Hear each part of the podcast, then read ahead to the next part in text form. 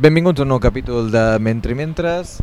Uh, avui hauré de parlar en anglès. I must talk in English because I'm here with Einar Mark Gudmundsson. Hello, Gudma. ¿Qué tal? Uh, how are you? I'm fine, I'm fine. It's uh, nice to be here in Barcelona. We are talking with you here in Barcelona. You have come to talk about this. Uh, I don't know how to pronounce in Icelandic. This the name of it, in Catalan is Angels del Univers. In English is this Angels of the Universe. Englar Alheimsins. Allenhis. Okay, okay. Uh, today is not here with us the translator Ines Garcia. Uh, we were with her uh, like a couple of uh, weeks because uh, he had uh, published a new book uh, about psychoanalysis. Ha- she had translated a saga. I, I know that uh, you know that. And she's a translator of this Àngels de l'Univers, eh, que ha publicat Nits Blanques. Uh, L'Einar ens ha visitat avui a Barcelona. I have several questions. One, this book, well, when they translated in Catalan, they make like a big interview in the national radio. They were like talking about one hour about the book. They were make like uh, no uh, several uh, colleagues talking about uh, some things, and I have several questions that uh, are related to when you wrote this uh, book, when this book appears, because it's kind of all This book you have uh, continue writing. Uh, is your fifth uh, book you wrote, and now you're still working on new books. Uh, I don't know in in your career what represent this book. Well, this uh, this book is um, is very important, you know, in my writing be- because it um, it's got it it's got so much attention, you know. So so uh, it's it's like you know, you know, a writer can write many books, but there is often like one book that uh, in is at the center. It doesn't have to, um, you know. I'm, I say, I, I myself say, I, I look at the, at, uh, at my books as my children. You know, I, I love them all. You know, but but but but but they are different. You know, and uh, so so but but this book was also as a literature was it also uh, an important step because I had been I the the four books be, the four novels before before this it was um, there was a tr- trilogy uh, based on my on my on my youth or based on my growing up in a new suburb. And I had this um, I had this voice of a small boy um, six year old who was talking. And I was a very much I I was very much in, inspired at that time you know as a young writer by by these uh, big by, for example, Günter Grass and uh, Gabriel Garcia Marquez, and, and, and because they took their own world and made it very big, I, I thought that was so interesting, and, and they, they, are, they are constant ins inspiration.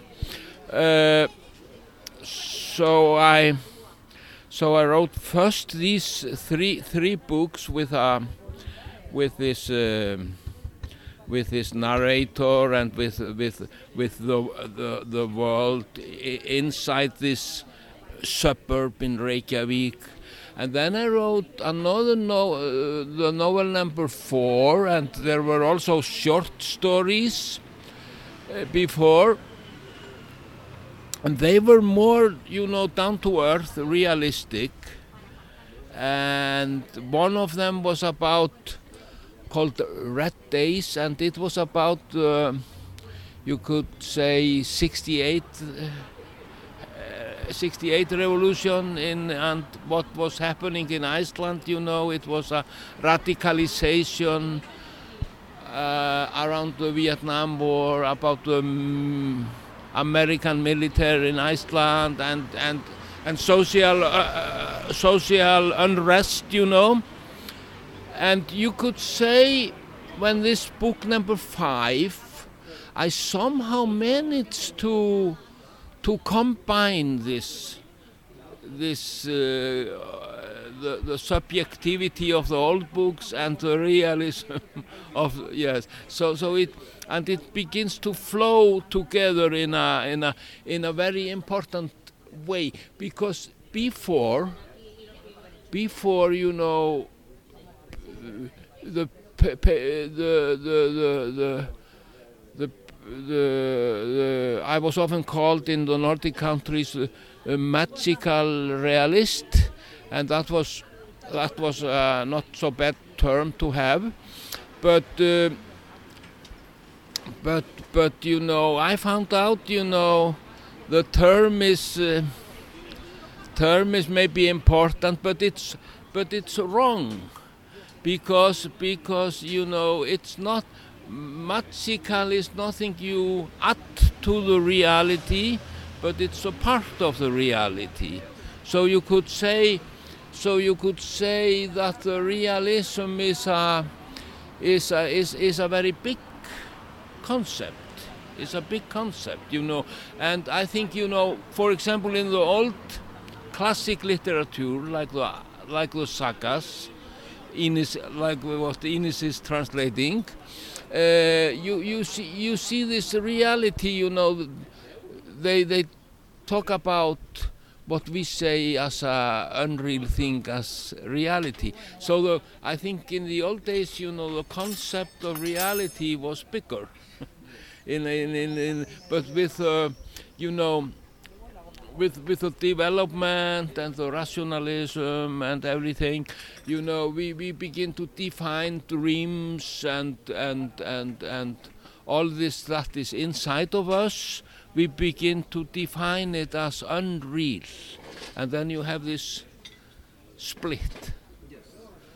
Subjective. Yes, yes, but but I, I I go from one thing to to another. But this was a, this was you know a kind of uh, this development in this book. But but as a matter, of, I started also as a as a poet and I'm, I'm I, I, still am, and I don't see so much difference between prose and poetry. You know, I think uh, there is, and this is this is also a tradition in the Nordic country. You know, to write a poetic prose. You know, and you have this in the in the poems. You have this old epos. You know, with telling stories in poetry.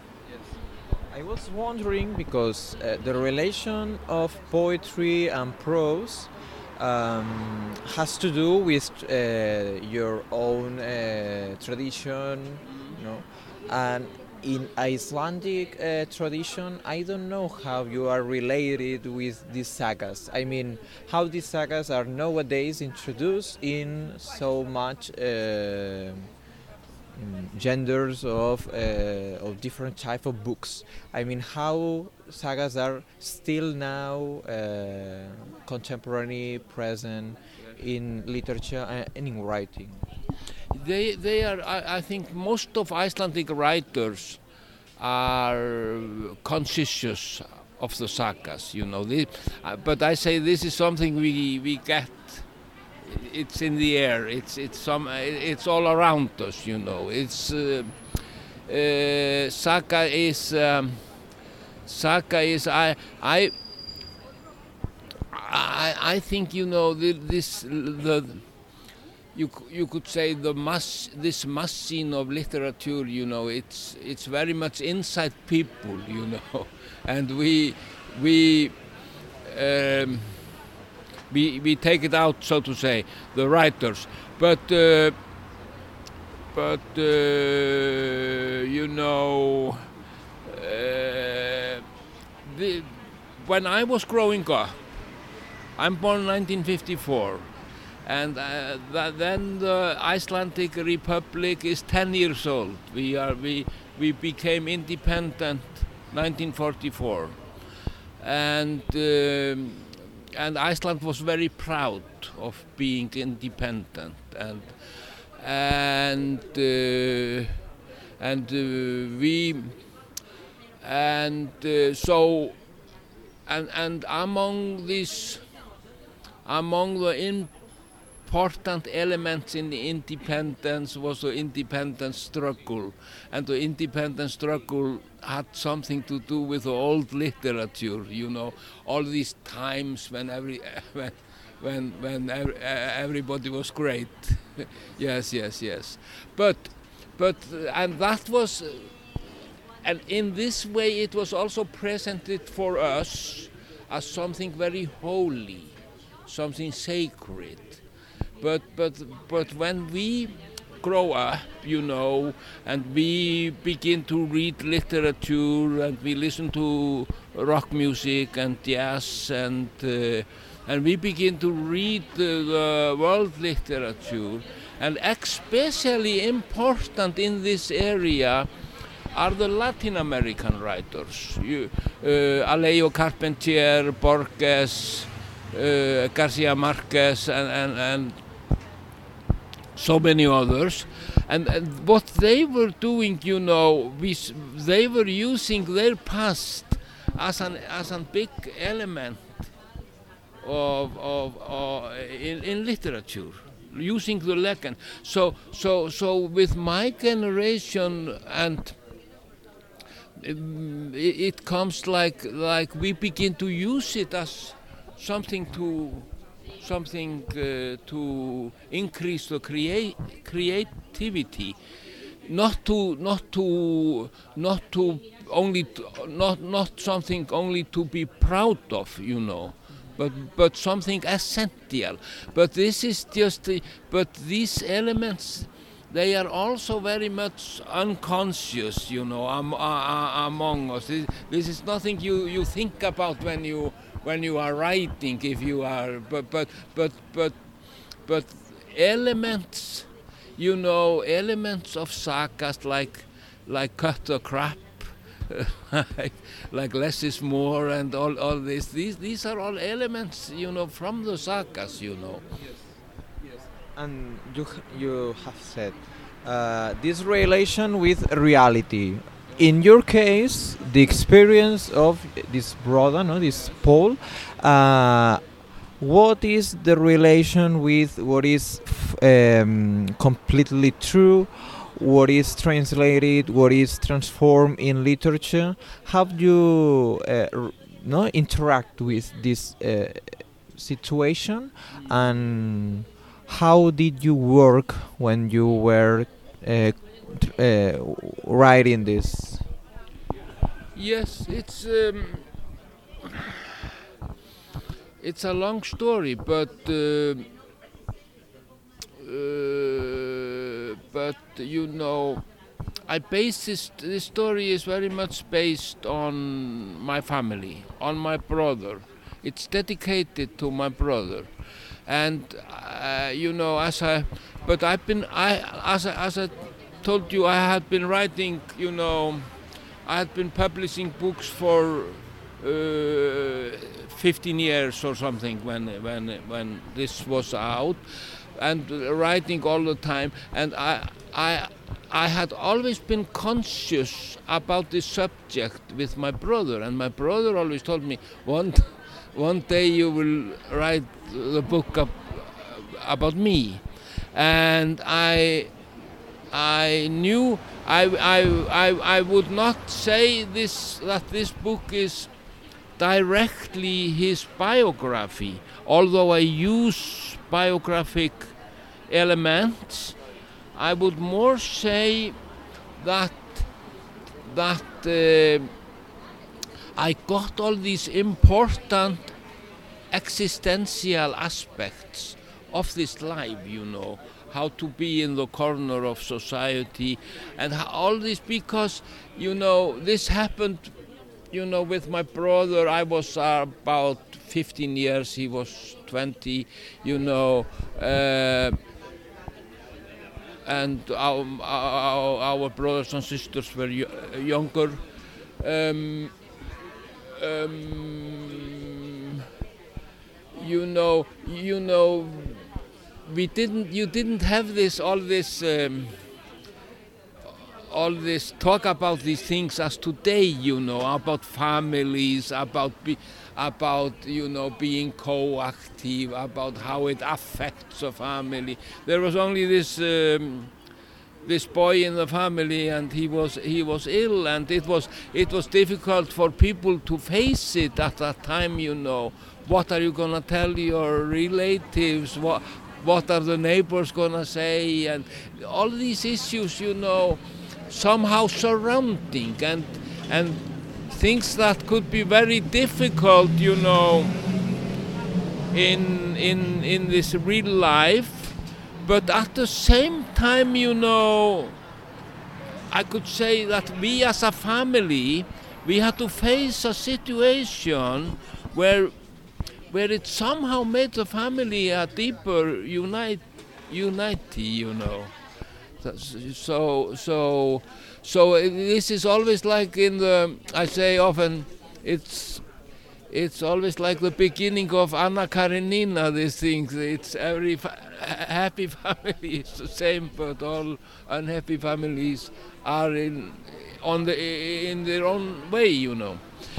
You transform or you convert in. Uh, difficult structure to follow because there's like the first part, the second part, yes. then there are um, the chapters that they are like independent one to five six to i think 11 or 12 and inside the chapters there's like small chapters and what uh, it makes it's like you are not uh, understanding in which period of time you are. Maybe you are changing the time maybe you become no you make a flashback or maybe you are so you play a lot with time. And the relation with place with time with madness is what make a postmodernist book absolutely. Yes, yes. I, I, I, I think this is uh, this is interesting, you know, because um, because you know, you know, as I told you, I, I had written, you know, some short stories, some some pieces concerning my brother's life, and I, I always knew there was a lot of material in this situation. I knew this was my, you know, what I had to would deliver would be my, you know, uh, yes, my my my education somehow, you know, uh, and. Um, uh, and you know, I having written so so much about it and and at the point my at the moment my brother died took his took he took his own life I I wrote a necrologue you know. And I could I could say that in this necrologue you know you know in memoir requiem requiem uh, and this is a tradition in Iceland. They are in the newspaper when people die. Yes, yes, yes, yes. And and uh, and I can say, you know, on writing it, I found some a tone. I found found find, found a tone, and certainly, you know, I was writing the book and something I had previously written, it came back to me, you know, as, as you see sometimes in films when, when uh, all, all comes, comes into one moment, you know. And, and then I start writing it and I, I, I, I found, I, I discovered there is a dead man telling his story and he has a total you know overview of his own life. He can refer he says people should not uh, people should not write their biographies unless they are dead. You, you know he's uh, he's quite conscious of of this uh, situation in in existence and but at the same time he has lived a very fragmented life you know.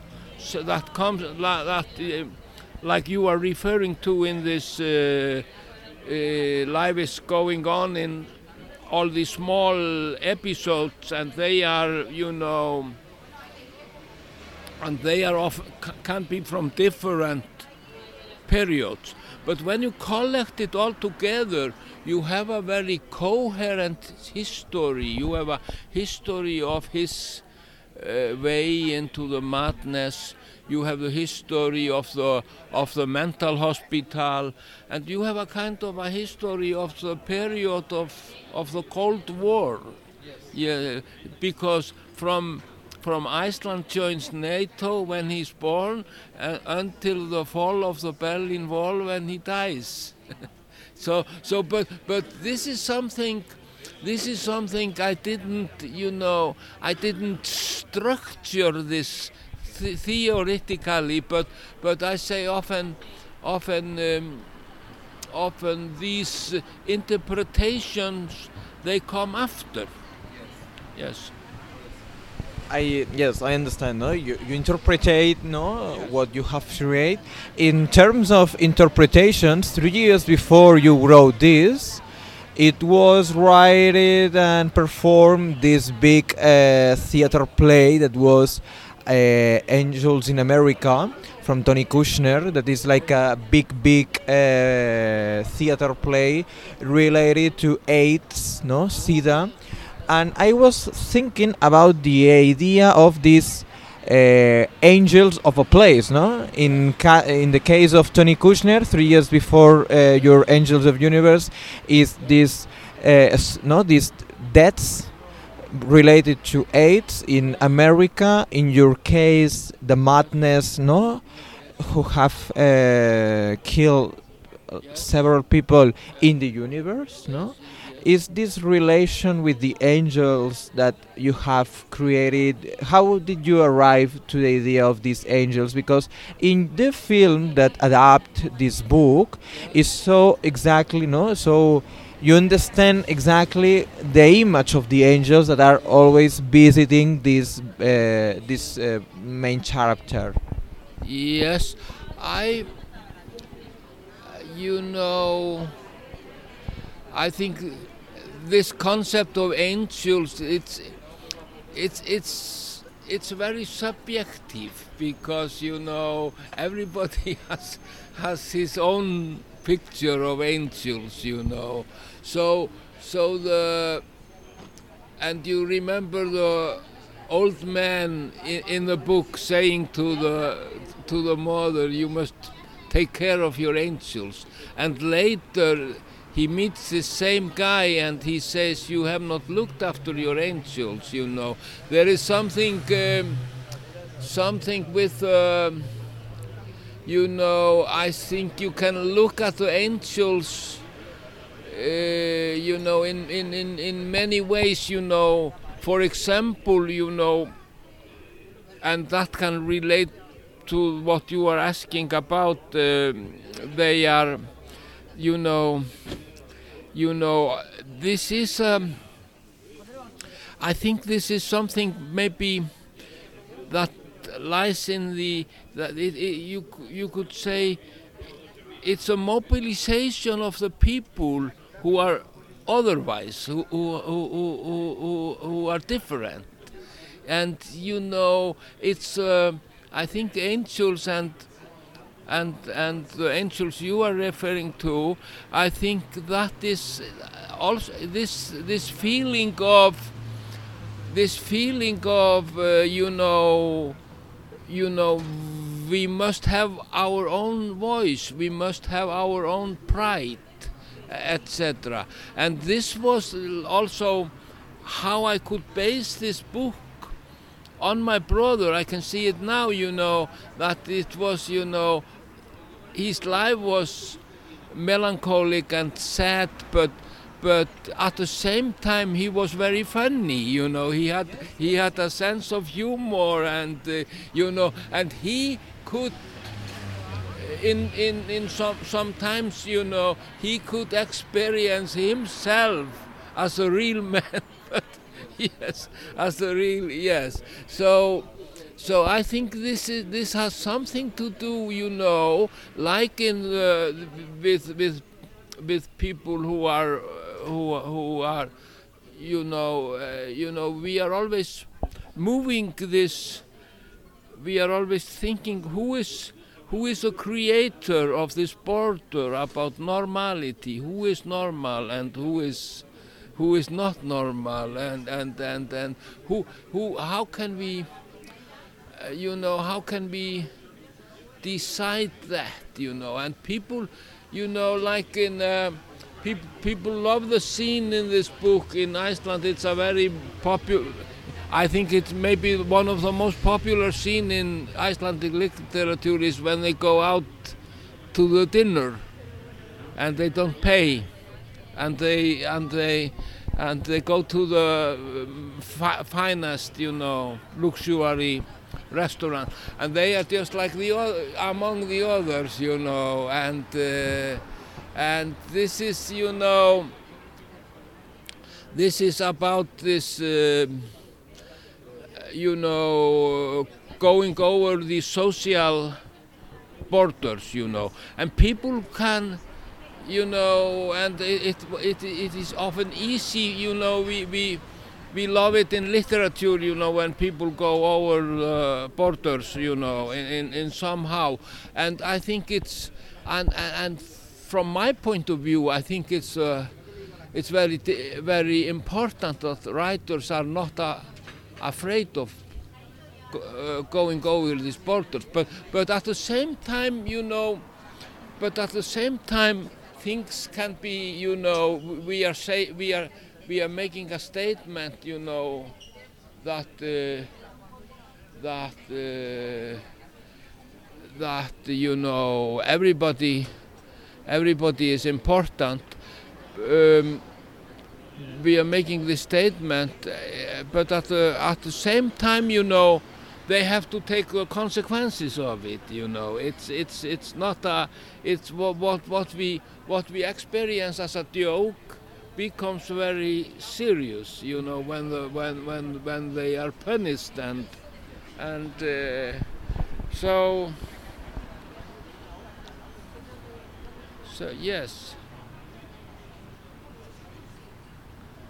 And you know we, we, we feel it now as we as we are here you know we feel it often you know persons who are on a mission. This mission can be very different. It can be something that the society decides. It can be something in your mind you know. We we we feel i i, I often feel these persons i they are they are always in in some relations with Don Quixote. And and this uh, you know this element of, of, of believing in something believing in something and and, and and and you know always being always being on on on your way to something. And not not uh, related to this or more related to the style that you you combine in this book there's uh, humor there's uh, more realistic descriptions all this is uh, related to what Ines told us is that in the no in the first part or the second part mm, you use a poem from Paul and you readapt and you play with it. How did you try to play with language? How did you work? yes, yes you know yes you know in in in real life my brother he was a poet you know. He wrote uh, about uh, five eight eight books of po- poetry. And later i made a one selection a kind of uh, best of you know according to me. Because you know when he no because as he he, he says in the as, as as it is in the book you know he has a problem with um, he has a problem problem with expressing himself in the society because of his situation, and, and he, he he he makes a humor out of it. You know, nobody wants to publish insane people. They are like the dissidents in the Soviet, and and they have to do make their own books themselves and. And if, if, yes, all, all, all, all this and and and and uh, and and I, I I I found something very important in his in in in the poetry of my brothers. You know, uh, uh, some having. Having some, uh, you know, it, it, it, it, can be like in a co comic or it, it can be, you know, like very abstract. But, but his life was surrealistic, you know. It was, uh, it was so, so, so, so, so his surrealism and his expression, it often comes from the depth of the heart can, can we say? And he was, you know, and we and we were brought up, you know. My brother, he he, I, I, I, at certain point in his life, he he got so he was so interested in Shakespeare. He knew Shakespeare by heart, and we, we had to, me and my younger brother, we had to listen to these records with with Macbeth and uh, King Lear Yes, and uh, so so this was, um, and and and I, I remember my, my, my younger brother. He, he's a professor in biology today. He, he, he told me the story when he was was 40, 14 or 15, and he came to a party with with a in a school, and the, the house the party was in. There was an actor who who owned the house and and and the and the young people they were they were uh, they were they were in in good humor. And my brother little brother he he he said to the to the to, to, to the to the father girl's father in the house look like the innocent flower, but be the serpent under it. He, he, he, he knew all kind of sentences from Shakespeare, and this this actor he was he was he was very surprised, you know. So so, uh, but but I I feel. Uh, but I feel, you know, as you know, uh, this that everything. I, I think that that could be you, you, we could call, call it a postmodern idea that everything was important. You, you, you use everything you, you have and, um, and make it into something. But I never thought of myself as a, as a postmodernist in that way because I, because I thought, I thought for me, from the beginning this was quite natural, you know, to combine the, the, the old modernism with, uh, with the classical storytelling, yes.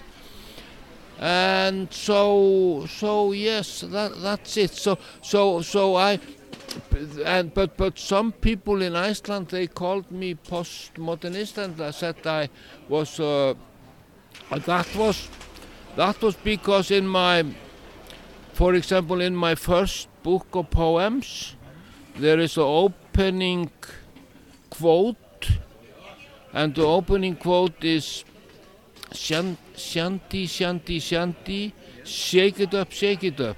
And these are the last lines in The Wasteland of T.S. Eliot and Diamond Dogs by David Bowie. And, and and you know, those who wanted to interpret me as a postmodernist, they they said, you know, I was mixing together, you know, this uh, this high cultural and pop culture. But for me, you know, T.S. Eliot and David Bowie were both great poets who told me, you know, lot of things. And Diamond Dogs is a, is a, is a, is a, is a you know it's about it's about living in a kind of a modern dictatorship, you know, and how to how to survive. Uh, we should uh, finish uh, with the last questions. I was wondering, to, there's two things, two big things. One is the the the situation, the concept of outside, inside of the places. I think uh, that when they are no in the city uh, is uh, opposite you know it it finds uh, the opposite in outside the city. I mean how no this uh, big hospital psychiatric Klepur no is uh, like in macbeth no is like uh, in the middle of the nowhere uh, and i was thinking no if you could explain no more or less this uh, idea of the the city outside the city in terms of normality. Yes, I think you know if we take the the how uh, where where Klepper is situated, the ho- the hospital, and and it's it's like many hospital at least in the Nordic countries. They are often old farmhouses or big big farms changed into. Uh, and therefore they often have names um, uh, that originally were made maybe to hide what was to, to not to tell it um, to hide what was what was the meaning you know because of the, all the tab taboos. Um, and you know it it is like that in reality you know that this this is this old farm was you know was there at this place. And when Reykjavik you know when when when when Páll in in Angels of the Universe is growing up they are building this quarter close to the hospital. And so the children have a playground there. And in the first part of the book he is outside. He is looking at the hospital and in the second part you could say he's inside the and and you remember the the painter Bergstein who is who is who is a made up man but uh, but has something but but has um,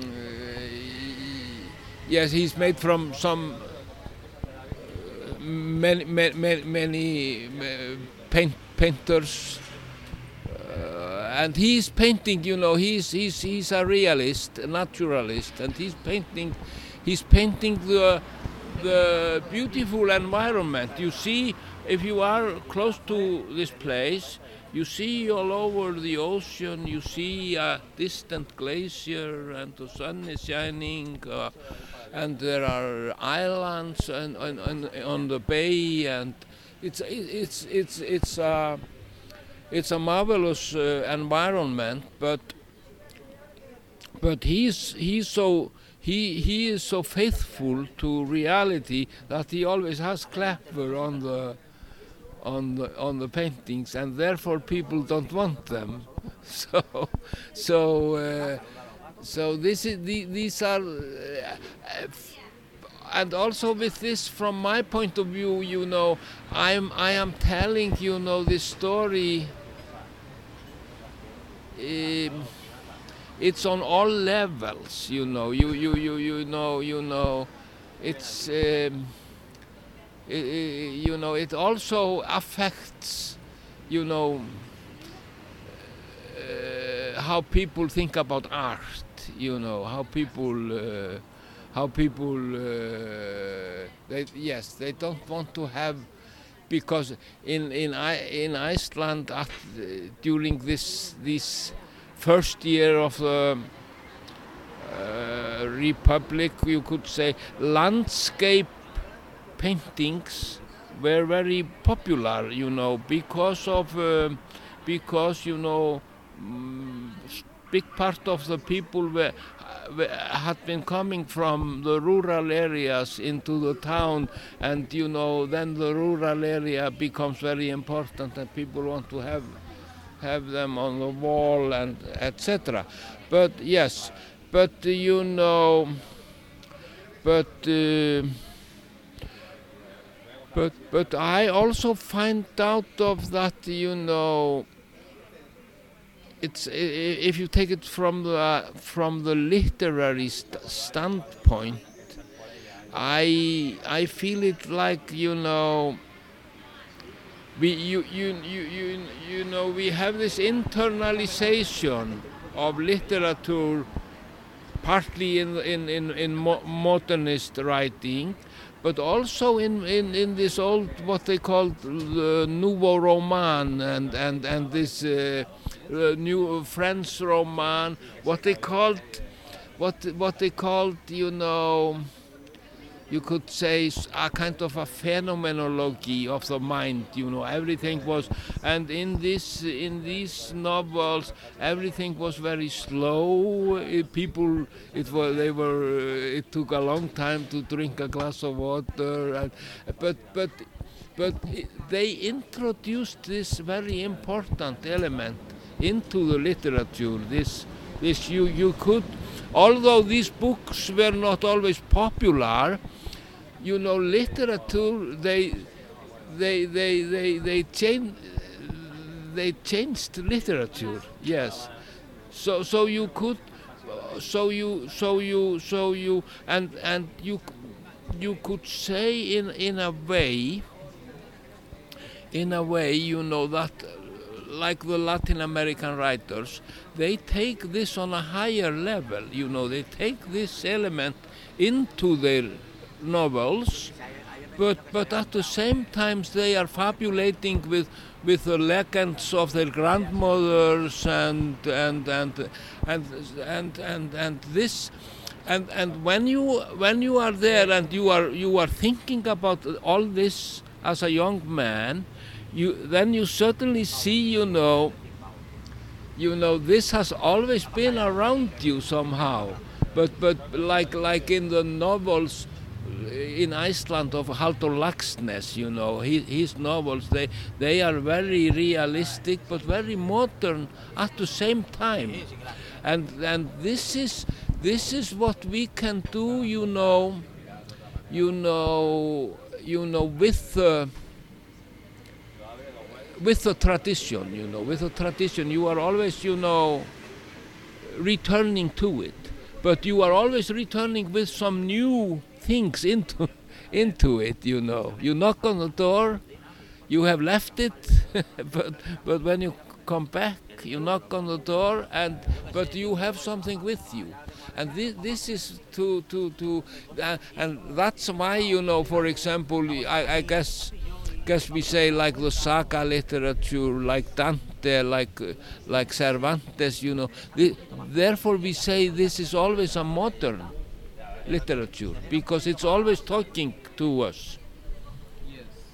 And just to finish, I was wondering if you if you like or if you read um, Strindberg, the Swedish, eh? because I was thinking about this play, A Dream. Yes, yes. I was wondering, uh, no, the relationship with Strindberg. Here in Catalonia are translated the prose of Strindberg uh, there are several, several, no, several uh, big uh, performs of his theater, and for us, it's like the the break, no, in the no, in the theory of theater that a part of his madness eh, and his biography, what he creates is the independence of the self inside the play. I don't know if you realize like uh, like a, a, big change in literature and how do you read him? You know, you know, this is like like I, I mentioned. I mentioned uh, Halldór Laxness. You know, you, that when you have gone through all this and you come back, you you found these elements in these, uh, you know, in these uh, classical modern writers like Halldór Laxness, like August Strindberg, and Knut Hamsun. And uh, Strindberg, it's it's like because I, I, I, I, and I will send it to you.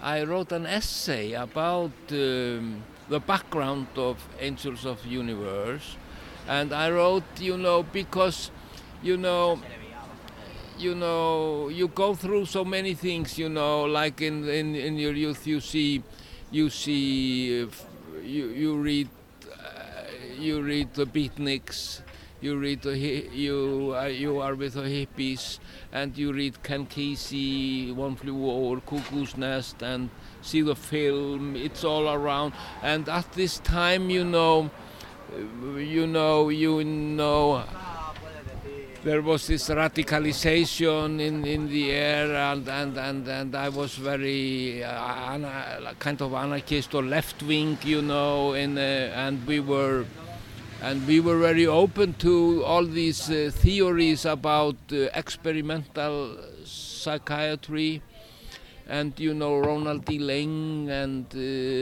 the, these uh, because he was also a poet and you know all this um, all this romantic in books like of Hermann Hesse, you know, with with with with with Steppenwolf, Siddhartha, you know, being being outside this material world and all all the, all this, and and then you have um, and and and then you have this all all that I was telling you about my brother and Shakespeare and and, and reading Shakespeare you know it's it, reading it just not not seeing a play just reading the the the the the, the, the conversation as a poetry or or or or, or it, it's so it's so um, provocating and and and and and beautiful. And and then then uh, what I often mention as an eye opener when I was ri- reading writing Angels of Universe, it was I I I read Inferno by August Strindberg, and that's that's that's that's a masterpiece. That's that's a that's a book because because they were always talking about this book, you know, that Strindberg he was mad. But if you read the book, this is a very, very, very calculated mind. That is, it's he, he can he can describe it. So so and and Strindberg, you know, but just his ideas and his his his his his he's, he's a he was a great yes he was a great inspiration but, but I, I I had also seen many of these plays and we were uh, this uh, uh, and, and, I, and I, I, I think I have, have have also had them with me but but but but but a very conscious influence would be Inferno. Inferno is, you know, he is he is descri describing, you know, his paranoia. He's living in Paris and uh, and all this. And there is also another, you know, at this time with Strindberg, uh, you know, he talking about this, you know, subjective and objective writing, you, he is the, perhaps the first Nordic writer to, to do this in a modern way with his uh, novel called The Red Room. So, and, and, and, and, and, and that's, that's so, so, so important. That's so important. But then there, you know, this is on, on the literary level, and when, when I mention this experimental psychiatry, my friend who made the film of Angels of the Universe and uh, Frederick Thor Fredriksson, who is a, who has made um, uh, I, I, I have written three uh, scripts for, for him, or two with him, and Angels is my own. Uh, he, when we were, you know, when we were young, in in he was the head of the of the film club i- for the young people, and and and you know he he got no. Although he is one of the best filmmakers in Iceland, he got no ex- eh, education except watching these movies, you know. And he got all the we we, we had we got so in the 60s, you know, like um, we were seeing all these films like um, Buñuel, Glauber Rocha, uh, and there were some, I don't remember who made them, the- some English uh, experimental film uh, where, where with, uh, taking place on psychiatric hospitals, and, the, and we were seeing, we were seeing, um, we were seeing um, Kurosawa and and uh, and Bergman and, and and this was a very big part of our education and I think I I, I, I- will send you this uh, I have written some something about um, thoughts about literature and writing you know uh, and have a part of it in English Uh, Einar, thank you very much to have this conversation and to talk calmly about these angels of the universe, uh, àngels de l'univers que ha traduït Nits Blanques. Thank you very much. thank you thank you so much thank you so much